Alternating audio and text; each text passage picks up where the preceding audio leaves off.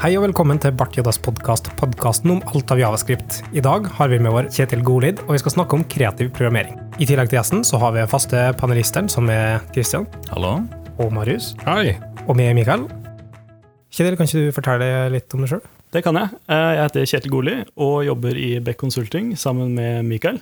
Der jobber jeg til daglig med, med .net på Sintef. Da får den felles uh, .net der, da, Christian.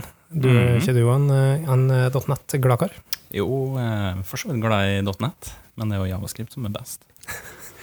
TypeScript, mener du? Ja, TypeScript. Eh, men eh, i tillegg til .net, så har du òg drevet med det som kalles kreativ programmering. Og så har du nå registrert et domene som var generated.space. Som var usedvanlig kreativt. Ja, det er jeg ganske stolt over. Eh, ganske bra. Det, det er en egen hobby, egentlig, å, å sitte og søke forskjellige domenenavn og prøve å finne noe som passer, som er litt eh, artig å bruke. Absolutt. Det er det mye av tida går til. Uh, Var det mange alternativ før du kom fram til generated.space, eller var det spot on første gangen? Det var spot on første gangen. Imponerende. Hadde det vært flere alternativer, så hadde jeg kjøpt de også. Har du, du har ikke mange aliaser som går til samme plass ennå? Nei, ingen. Generated Space går ut på kreativ programmering, egentlig. Du har en serie med forskjellige eh, ting der, som viser fram liksom, kreativitet. Og hva, hva, hva mener jeg med det? Kan ikke du forklare litt hva kreativ programmering er? Det kan jeg. Vanligvis så, så programmerer man jo for å få fram eh, spesifikk funksjonalitet. Kreativ programmering går mer på det å, eh, å lage visuelle ting, å lage ting som eh, uttrykker ting, kanskje. Eh, og kanskje ikke har en sånn spesifikk mening, da. Jeg ville kanskje ha påstått at eh, kreativ programmering kan handle litt mer om uh, levetida på det du lager. At ting som er kreativ programmering, er ting som ikke nødvendigvis skal vedlikeholdes over tid, ting som ikke nødvendigvis skal vare så lenge, men heller korte kunstneriske utfoldelser på en eller annen form. Ikke nødvendigvis eh, trenger ikke være visuelt heller, men det kan jo være eh, via lyd, eller det kan være kunstinstallasjoner. kan det også for så vidt være. Det finnes flere som har laga store LED-skjermer med, med kunst og bevegelse, generative art og sånne ting. Eller det kan være hardware-enheter som du kobler opp til å vatne planter de, for eksempel. Det er ikke noe du nødvendigvis trenger, det er ikke noe du skal ha lenge, men du bruker det til eh, å få en slags kreativ utfoldelse i programmering på kortlevd potensielt eh, prosjekt. Da. Enig. Og det er jo en veldig befriende greie, det å, det å kunne programmere uten å nødvendigvis tenke på at det her skal forvaltes og utvides og, og sånne ting. Da antar jeg at disse her eh, små, fine grafiske fremstillingene av diverse ting som du finner ofte på Coldpen og lignende sider, det går inn under det her, da, egentlig. Det å eksperiment der du eksperimenterer med teknologien og prøver å få til et eller annet nytt og kult. Det kan være, og det, også. jeg ville også sagt at kanskje du kan også ha kreativ programmering Det går kanskje litt utafor definisjonen, men jeg ville også sagt at kreativ programmering kunne være å ha det artig med et språk òg. Det er bare sitte og lage noe meningsløst som ikke nødvendigvis resulterer i noe, men bare ha det artig med språk eller ha det artig med CSS for å lage ting. Eh, Det er òg en form for kreativ eh, programmering. Jeg, jeg, tror ikke kreativ programmering er så opphengt i nødvendigvis akkurat definisjonen av hva som er tingen, da. men det er litt mer den der gleden du kan finne i å lage noe midlertidig, eller lage noe som du ikke trenger å vedlikeholde over lang tid. Du trenger ikke nødvendigvis å være sikker på at du føler de beste paradigmaene, eller at uh, dette her uh, solid, eller altså, skjønner du hva jeg? Du trenger ikke bruke dem uh, sånne prinsipper, da, men heller skriv det som en brain dump av det du tenker, og så prøve å hacke til noe til å få det til å funke, og så få feedback på en, på en god måte. Jeg vet jo heller ikke helt om jeg er helt enig i at kreativ programmering er det samme som på en måte det å programmere helt uten, uh, uten regler og sånne ting. Da. Jeg tenker mer på det som at det du får ut av, uh, det du får ut av koden din, det skal være noe visuelt og noe uh, Ja, egentlig noe ikke-funksjonelt, da. Men at akkurat det at du ikke forholder deg til regler og sånne ting, det, det er mer kanskje en, et resultat av det. Da. At det, det kun skal være det ene visuelle resultatet. Det er jo sikkert mye av kreativ programmering som kommer ut av såkalt eh, serendipity, som for øvrig er mitt uh, favoritt-engelskord, også kalt happy accidents. At man kanskje så for seg noe i utgangspunktet, prøvde å få det til, men så klarte man det ikke, og så endte man på noe helt annet som allikevel var ekstremt kreativt og veldig stilig. Jeg ser for meg at det òg kan være veldig givende. Og kreativ programmering er jo ofte liksom contemporary, da, som det å, å, eh, blir kalt. Altså det er midlertidig, eller at det er mer som en kunstinstallasjon. sant? Du setter opp et uh, stort galleri for akkurat der og da, eller et, uh, en utstilling i, i kunstverden. På, litt på samme måte så er det med kreativ programmering. Du lager noe som er for nå, eller for uh, å nytes nå med en gang. At du har det artig mens du gjør det. Ja. Og så er ikke nødvendigvis bestandig det du lager, som er det viktige resultatet av da. Nei, enig. Det er noe med det at uh, man kan kunne sitte og, og, og lære seg kanskje helt nye aspekter av språket. Da, fordi uh, i en jobbsammenheng så sitter man ofte og kanskje gjør mye oppgaver som er ganske like hverandre, og som går på mye det samme. Men eh, sitter man helt uten eh, begrensninger, så mm, oppdager man kanskje nye deler av eh, språket som man ikke visste om, og man kommer til nye problemstillinger som man også aldri har vært borti. For da er du mer over på det du får ut av kreativ programmering. Mm. Nå har vi gått gjennom litt av det som hva, hva vi legger i termen kreativ programmering. Og så kan vi da tenke litt på sånn som, som du snakka om, at hva, hva er poenget med det? Altså, hva får vi ut av det? Er, er det bare for å ha det artig? Eh, Og hva betyr det at når vi har artig med ting? Sånn, Hvorfor finnes kreativ programmering som en disiplin, eller kreativ programmering som en øvelse? Hva, hva er interessant med det? For jeg tenker litt relatert til det du snakka om. da. På jobben så sitter vi og det er derfor jeg var litt sånn opphengt i reglene i begynnelsen, eller- eller opphengt i, i, i restriksjoner. da. Det er fordi at ofte når du sitter på, på daglig eh, jobb, så sitter vi opphengt i det at ting skal føle etter visse prinsipper, ting skal være vedlikeholdbar for andre personer som kommer inn et år fram i tid, og at ting skal leve, eller stå the test of time. da. Ikke bare det, men du jo, må jo gjerne forholde deg til veldig spesifikke eh, ting du skal lage òg. Og du har jo gjerne ikke kreativ frihet på noen slags måte. Ja, det er et godt poeng at domene er en sånn spesifikk ting. Du må forholde deg til domene, og det er nå det mesteparten av det det går ut på egentlig i liksom den dagligdagse programmeringa. Av det å, å implementere noe ut ifra en eller annen kravspekk eller et eller annet som er tilknytta det prosjektet du har, sånn at det handler mer om å sette seg inn altså, Mesteparten av programmering handler egentlig om å sette seg inn i problemstillinga løse de problemene, eh, mens kreativ programmering da, vil være mer å eh, det er noe å sette seg inn i problemstillinger, men det er andre typer problemstillinger som ikke er nødvendigvis tilknyttet til domene. Men det kan jo hende at det er litt matematikk, for eksempel. Det er vel ikke sånn kjempeuvanlig. Ganske vanlig. Uh, og, og det er jo best Det er ikke sånn ofte i til dagligdags bruker matte i, Nei. i programmeringa på den måten. Altså, du, du bruker det i form av at det er en forlengelse av det matematiske språk osv. Men, men det drar ikke ofte fram logaritmisk eller altså en sinus eller, eller kosinus. Nei. Og det, det som er litt kult også, det oppstår jo veldig naturlig, egentlig. Man kommer over et, man har kanskje et bilde i hodet av hvordan man vil at ting skal se ut, og så finner man ut at det her er jeg faktisk nødt til å bruke en litt sånn halvveis komplisert eh, formel for å få til å funke. Vi var jo eh, så vidt eh, innledningsvis her, så nevnte vi generated.space. Vi prata kort om hva fint domene det var, men vi fikk egentlig aldri forklart hva det var for noe. Kanskje du forteller oss litt om hva det egentlig er? Eh, ja, det er jo egentlig bare et uh, GitHub-repo uh, med litt forskjellige skisser som jeg sjøl har skrevet de siste to-tre månedene. Med forskjellige Ja, det er noen algoritmer, velkjente algoritmer, som, det, som, ofte, som gir litt fine, fine visuelle resultater. Og så er det litt helt fri kode fra min side. Men jeg har vært innom der et par ganger og har sett at det legger en god del ting der, men det er nummerert. Har numra der noe å si, eller er det tilfeldig? Nummeret, er datoen, Det er datoen, ja. så det er ikke tilfeldig i det hele tatt. Jeg lurte på om det var størrelsen på fila som eh, du hadde koda, eller hva det egentlig var. Det var en veldig god idé. Jeg, trodde det var klokkeslett. Ja. Nei, eh, det tar kanskje litt tid å se at det Ja, fire, fire er veldig sarkastisk. Fire siffer kan være hva som helst.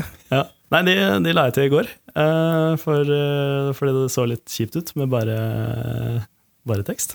Du la ikke til dem i går? Jo, jeg tror det. Er vi så mye ofte inne? Jeg har vært inne hver dag den siste tida, i hvert fall. Så koselig. Så nå er jeg nesten forplikta til å oppdatere den eh, med jevne mellomrom. Ja, men jeg gjør, jeg gjør det. Ja. Du har òg en Instagram-profil som poster dem som kommer. Det stemmer. Det er òg lurt å følge og sjekke dem, dem som kommer. Men det som er fordelen er her, er at det er leselig kode i all hovedsak. Som betyr at hvis du går, går inn på Generated Space og så skrive, nei, gå inn på en eller annen eksempel, så kan du se på kildekoden der og se hvordan det blir gjort. Og så kan du potensielt teste ut sjøl lokalt på maskinen. Absolutt. Og det er jo sånn det ofte starter òg, kanskje. Det fins mange communities på nettet hvor folk legger ut eh, koden sin, og hvor du får se resultatet, og hvor man fritt kan, kan bygge videre på den skissa. Da.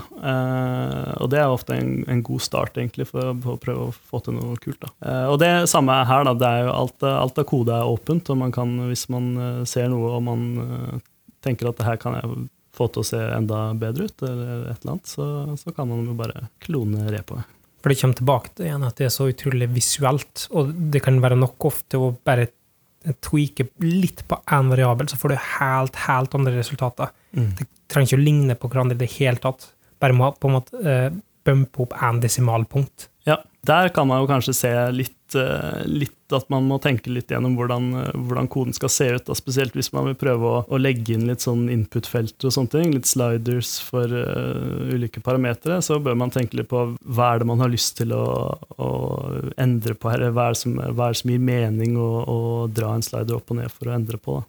Hva er det som gjør at du setter i gang med et prosjekt? Hva er det på en måte som inspirerer deg til å sette seg ned og på en måte nå skal jeg ta tak i det her, og så skal jeg se hva jeg klarer å lage? Eh, det er ofte, ofte ting på, på, nettet. På eh, mye sånne designsider, eh, ting som Instagram og Twitter og sånne ting. Jeg følger mye, mye folk som driver med det samme, og ser at om jeg ser noe som ser bra ut, så å bygge videre på det. Prøve å bygge det sjøl, kanskje, uten å egentlig ha sett den særlig på, på koden som genererte det. Og så blir det ofte senest helt annerledes ut, da. men det er jo en del av, del av, det. Det å kunne være fleksibel på det en skal lage, en, kanskje en, en, viktig ting i kreative aspektet av det, er at du ikke nødvendigvis låser det fast til at det skal bli slik, men at du kan ta det litt der uh, the wind blows. Ja da, absolutt det er sjelden man kanskje eh, klarer å se for seg helt klart hvordan, hvordan ting skal, skal, bli. Og man må på en måte Kanskje det du tenkte i utgangspunktet, ikke ble så kult som du egentlig hadde sett for deg. Eller at du møtte på en eller annen utfordring underveis som gjorde at det faktisk var veldig vanskelig å få til, sånn som du så for deg. Mm. Like a leaf in the wind, for Firefly-referanse inn i podkasten vår. Har ikke sett det, men det er flott. Ikke sett. Det er en annen podkast. Det tar vi en annen podkast. men hvis, hvis en skal lære seg kreativ programmering, hva tror du er beste framgangsmåten? Må jeg lære meg mye matte, trigonometri? Må jeg lære meg mye programmering, eller også hvor er det en god måte å starte på?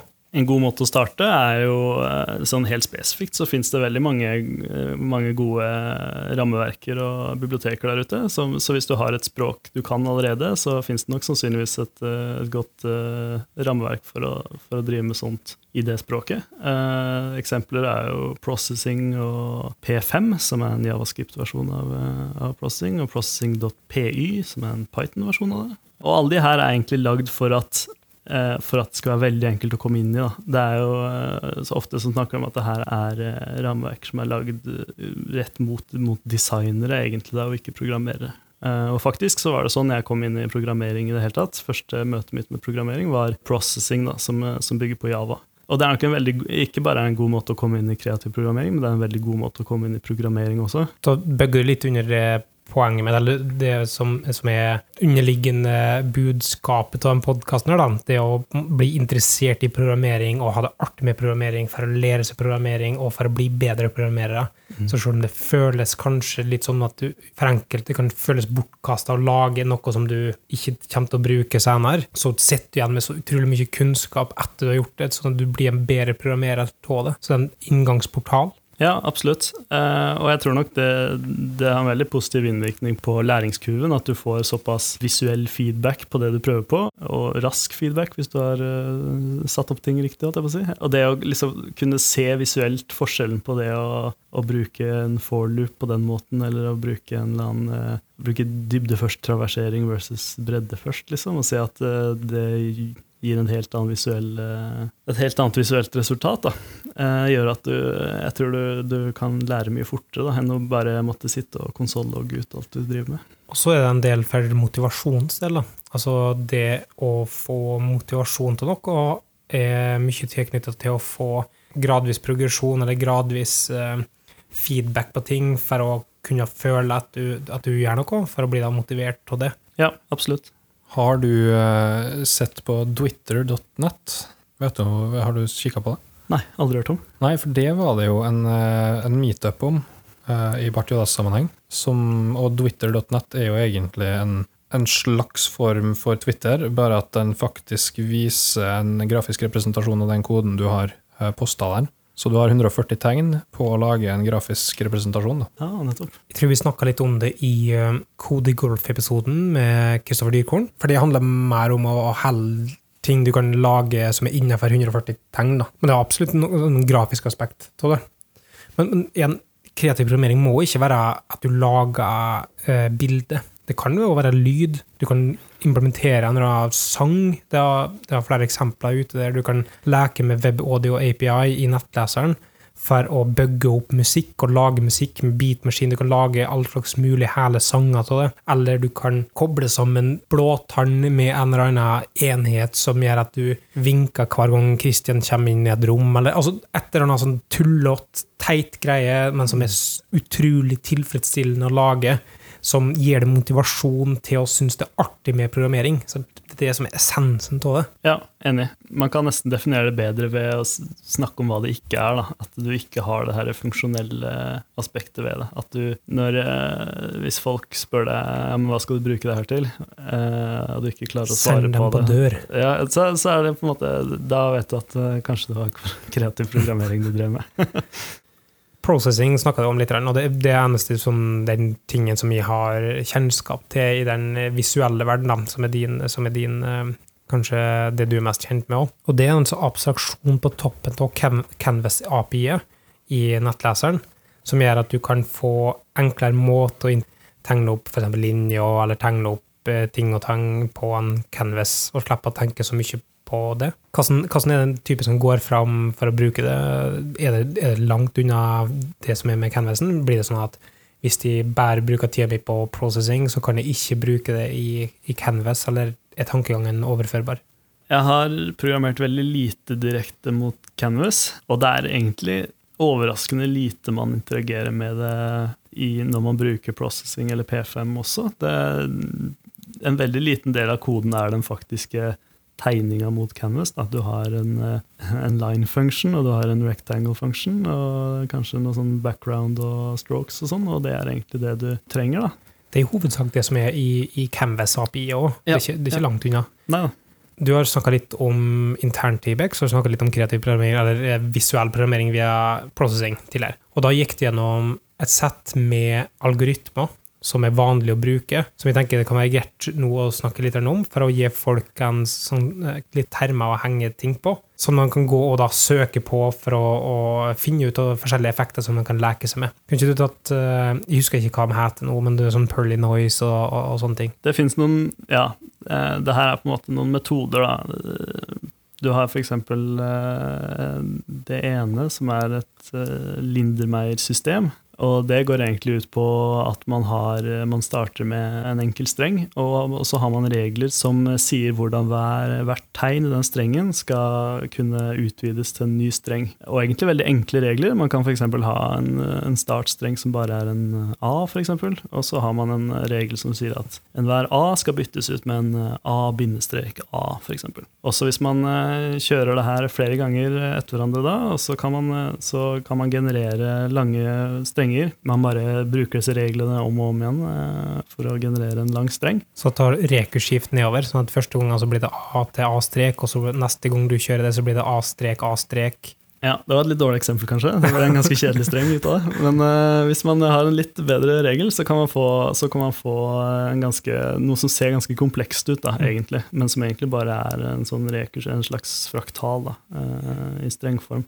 Og den går det an å, å tyde, på en måte. Uh, en, det, det er på en måte todelt. Da. Den ene er å generere en sånn streng, som er en slags modell i bakgrunnen. Uh, og den andre delen er jo da å tyde den strengen og, og si at f.eks. en bindestrek betyr at jeg skal tegne en eh, strek, uh, mens en A kan bety at man skal rotere visningen sin 90 grader, f.eks.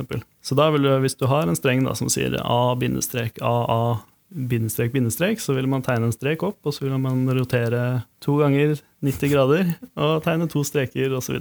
Og bare sånne enkle, en enkel regel for å generere strenger, og en enkel eh, regel for hvordan man skal tyde en sånn streng, kan føre til ganske komplekse eh, resultater. Da. Du kan bruke det til å generere tre, f.eks.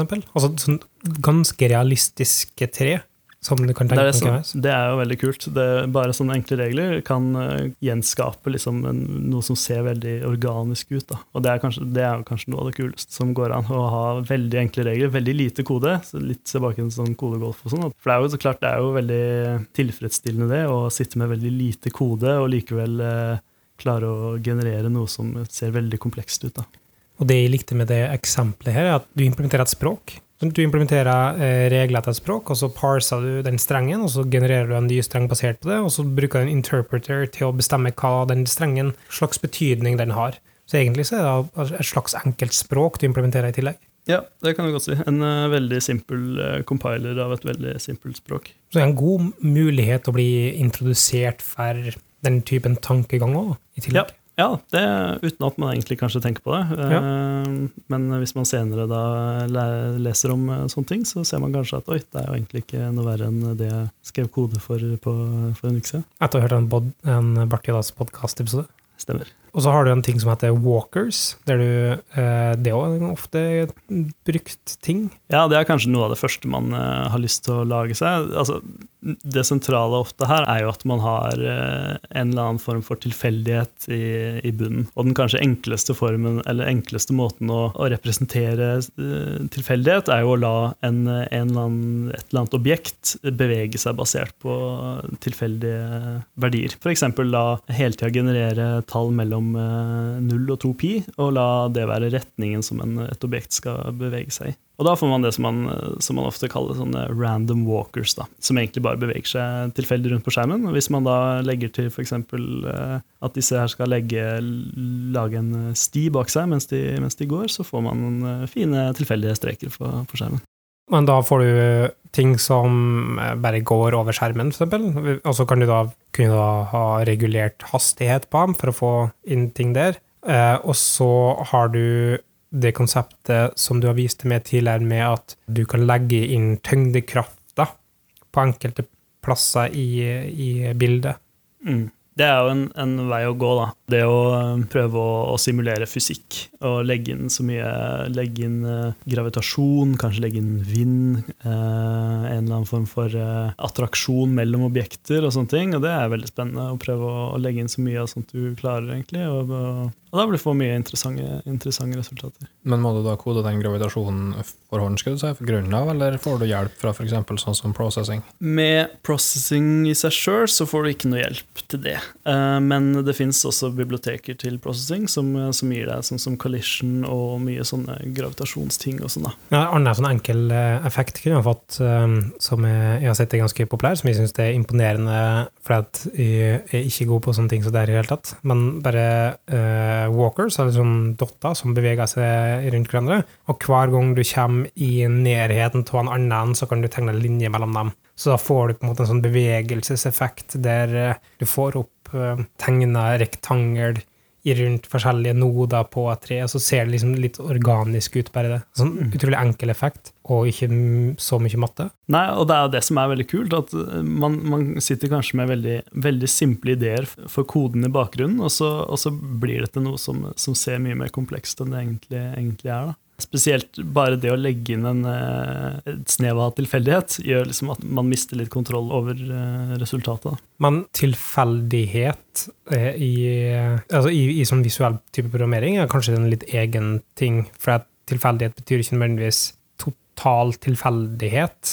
Eller altså, Jeg tenker litt sånn på, på at det er hva heter det, s- seeded eh, tilfeldighet og sånne ting. Ja da, det er mange måter å, å bruke det på også. Man kan jo velge å, å, å bruke helt tilfeldige verdier til alt mulig rart, men eh, noe som kanskje er mer oftere gir mye, mye jeg vet ikke, penere resultater, er jo det å bruke ting som uh, Gaussian randomness, altså at du har en, en normalkurve på, på hvor verdiene dine legger seg på en, eh, på en skala. Eh, at, du, at du sier at du vil ha tilfeldige verdier som, eh, som kretser rundt f.eks. ti. 10. Eh, og da vil du få de fleste tilfeldige tallene dine vil havne rundt 10. Jo lenger unna, jo sjeldnere, sjeldnere skjer det. Du har også det konseptet med støy, som, eh, som også lar deg kontrollere verdiene litt mer. Du vil fortsatt få tilfeldige verdier, men, men her parametriserer du outputen din. Da, sånn at hvis du spør om eh, to tilfeldige verdier, men du, men du sier at avstanden mellom de skal være en viss verdi, så kan, du si, så kan du sette den verdien til å være veldig lav, og da vet du at de to tallene du får, vil ha, ha en verdi som er ganske nærme hverandre. Og sånne ting kan du bruke for å få en litt mer sånn organisk eh, følelse av eh, fil på, på prosjektet ditt. jeg vet ikke hvilket ord jeg har lett etter. Nei, fil er mye bedre enn eh, følelse. det er det. Så nå har vi snakka litt om jeg har, jeg har prøvd så godt eh, jeg klarer, eh, kanskje ikke godt nok, men jeg har prøvd så godt jeg klarer å sæle inn hva, hvorfor jeg syns kreativ programmering er noe som folk burde undersøke. Og du har gitt en god, god liksom, knagger her nå på slutten som du kan henge ting på, hvis du skal søke etter forskjellige konsepter og utforske.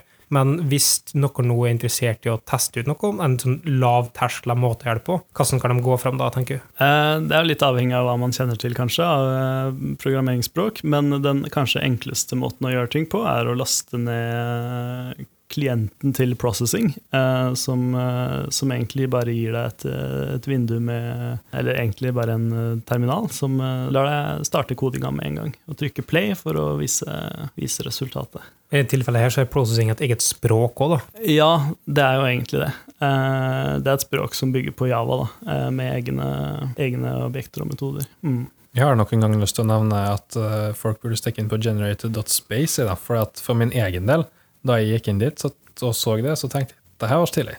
Det her har jeg lyst til å, å, sjekke litt mer ut, og prøve å se om jeg klarer å lage noe av det sjøl. Så jeg har ikke prøvd det ennå. Men eh, for inspirasjonens del så var det veldig lukrativt. Det hjelper at eh, det er utrolig estetisk pleasing å se på den sida. Fine farger og liksom fin typografi. Ja, jeg, altså, jeg, har ikke drevet med kreativ programmering fra før av, men jeg kan jo å programmere. Eh, så det gjør jo at jeg har lyst til å prøve, i hvert fall. Mm. En annen side som er verdt å sjekke ut, er eh, openprocessing.com. Uh, .com er jeg ganske sikker på. Som er en av de sidene eh, som jeg nevnte tidligere, man, hvor man eh, både kan se stilige ting, og man kan se koden som ligger bak. Og man kan, eh, kan endre den koden og, og se resultatet av de endringene live med en gang. Det er et veldig godt sted å starte også.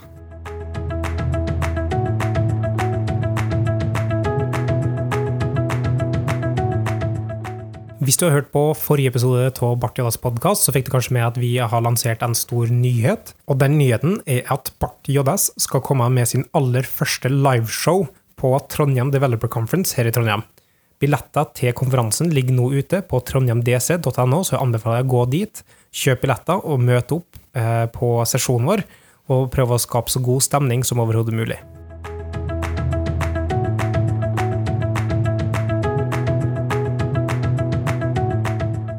Tusen takk for at du møtte opp, eh, Kjetil. Men eh, før eh, jeg lar det gå helt ennå, så bruker vi ha en sånn anbefalingsrunde helt til slutt. Har du tatt med noen anbefalinger til, til episoden? Det har jeg. Jeg hører mye på podkast, og når Bart JDS-podkasten er hørt, så pleier jeg å høre på, på en podkast som heter Hello Internet. Men om man er ferdig med den også, og man vil ha mer av CGP Grey, som er en veldig kul fyr, så kan man også høre på en podkast som heter Cortex, Eh, så det er egentlig den jeg har lyst til å, anbefale. For eh, der snakker de om, eh, mye om produktivitet. CGP Grey er jo en innholdsskaper først og fremst på YouTube. Og han snakker mye om hvordan han holder kreativiteten oppe, både med hobbyprosjekter og, og det han jobber med til daglig. Så det er en veldig, veldig interessant podkast å høre på. Og i tråd med dagens episode, egentlig? Absolutt. ja. Mm. Har du en anbefaling episoden her? Eh, ja. I tråd med temaet i dag, så har jeg egentlig litt lyst til å anbefale coldpen.io sin uh, weekly, antall det ukentlig, e-post du får. Der uh, han, uh, lederen av Coldpen han har samla sammen ukens beste pens. Der får du ofte med deg noe interessant noen som har eksperimentert med et eller annet. Det er litt eh, kreativ programmering for min del. Da. Det er litt artig å se hva folk greier å få til med SVG-er og animasjoner. og Av og til så er det noen sliders du kan drive og skru på for å få ting til å se litt annerledes ut. og sånn, så Det, det syns jeg er ganske interessant. I tillegg så har jeg funnet en eh, bloggpost, ganske lang en sågar, eh, som heter A Unified Styling Language. Den, eh, den syns jeg var veldig interessant. Der snakka han fyren som har skrevet om det her, han snakker om CSS i JS, og om det har noe for seg. Og prøve å overbevise oss som kanskje er litt skeptisk til det, eh, om hvorfor vi burde følge med på denne bevegelsen og kanskje sjekke ut litt mer rundt det og, og sånt. Veldig bra artikkel. Kult. Takk. Marius, har du tatt med noen anbefalinger? Ja, først av alt så har jeg lyst til å anbefale folk å ikke ta alt vi sier for god fisk. Forrige episode så ble det så vidt nevnt at uh, de episodene her uh, har vi manus på. Og merkelig nok, tro det eller ei, det er flere som har kommet opp til meg og spurt om det faktisk er sant. Men det er det ikke, altså. Som om vi har hatt disiplin til å forholde oss til manus. Jeg klarer altså, ikke engang å forholde meg til mine egne tanker. Vi leverer linjene våre så godt at uh, det er nesten til å tro. Men i hvert fall, min andre anbefaling, som egentlig er den seriøse anbefalinga, det er i dag.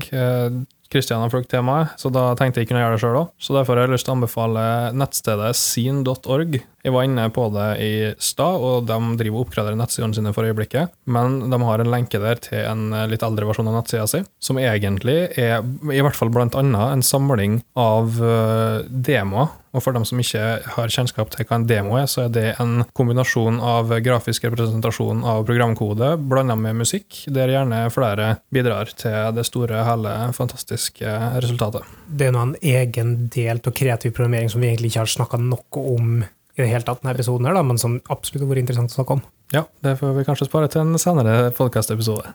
Lurt. Jeg er Litt i tråd med det temaet, og det Kristian sa, egentlig. Så det er en sånn egen, egen eh, igjen sånn subkultur, kanskje, i, i, i meningsløse implementasjoner, som er liksom det å reprodusere ting eller lage ting utelukkende ved hjelp av CSS og HTML. Ting som ser kult ut, og som ofte har funksjonalitet, og spiller litt på da, hacke litt med CSS for å få det til. Uh, og en anbefaling her, en, noe som poppa opp på Twitter-feeden min, var et, et, kamera som er implementert via CodePen, som du snakka om da, Christian. Som er stilig å se på, og er kun laga med CSS, som gjør at når en ser gjennom sånne type implementasjoner, så ler en kanskje mer om CSS og hvordan det funker. I tillegg så har jeg lyst til å anbefale alle å bli like lat som, som meg, og bruke Prettier til å, til å formatere koden automatisk. Jeg har eh, begynt å skrive alt på ei linje og bare ha format on save, og ikke tenke på formatering i det hele tatt. Og det funka på CSS-en din, funka på Javascript, det funka på GraphQL, det funka på eh, TypeScript for Christian sin del, eh, og det funka på Flow. Det var det vi rakk for dagens episode, tenker jeg. Hvis noen har lyst til å stille det spørsmålet om kreativ programmering, eller har lyst til å se mer av det du lager, så kan de kontakte deg hvor, Kjetil? Jeg er på Twitter på at kgoli, og jeg er også på Instagram at kgoli. Anbefaler folk å gå på den Instagrammen og så se på de bildene som blir lagt ut der, for det er ganske mange kule ting. Kristian, er det noen plass folk kan kontakte deg med et eller annet slags brukernavn på Twitter? Ja, det er noe vanlige brukernavn, det. Larifax. Med, med, med to r og en x, eller? Det stemmer. Jeg har ikke skifta siden sist gang. Så. Ikke? Jeg skal gjøre det. Bare for å tulle med folk. Marius, har du det vanlige nikket, du, eller? Ja, meg når du som vanlig på Twitter på ett krakels. Og vi kan jo stille spørsmål om alt av Bartidas eller andre ting på at Mikael Brevik. Takk for at du hørte på. Så høres vi i neste episode.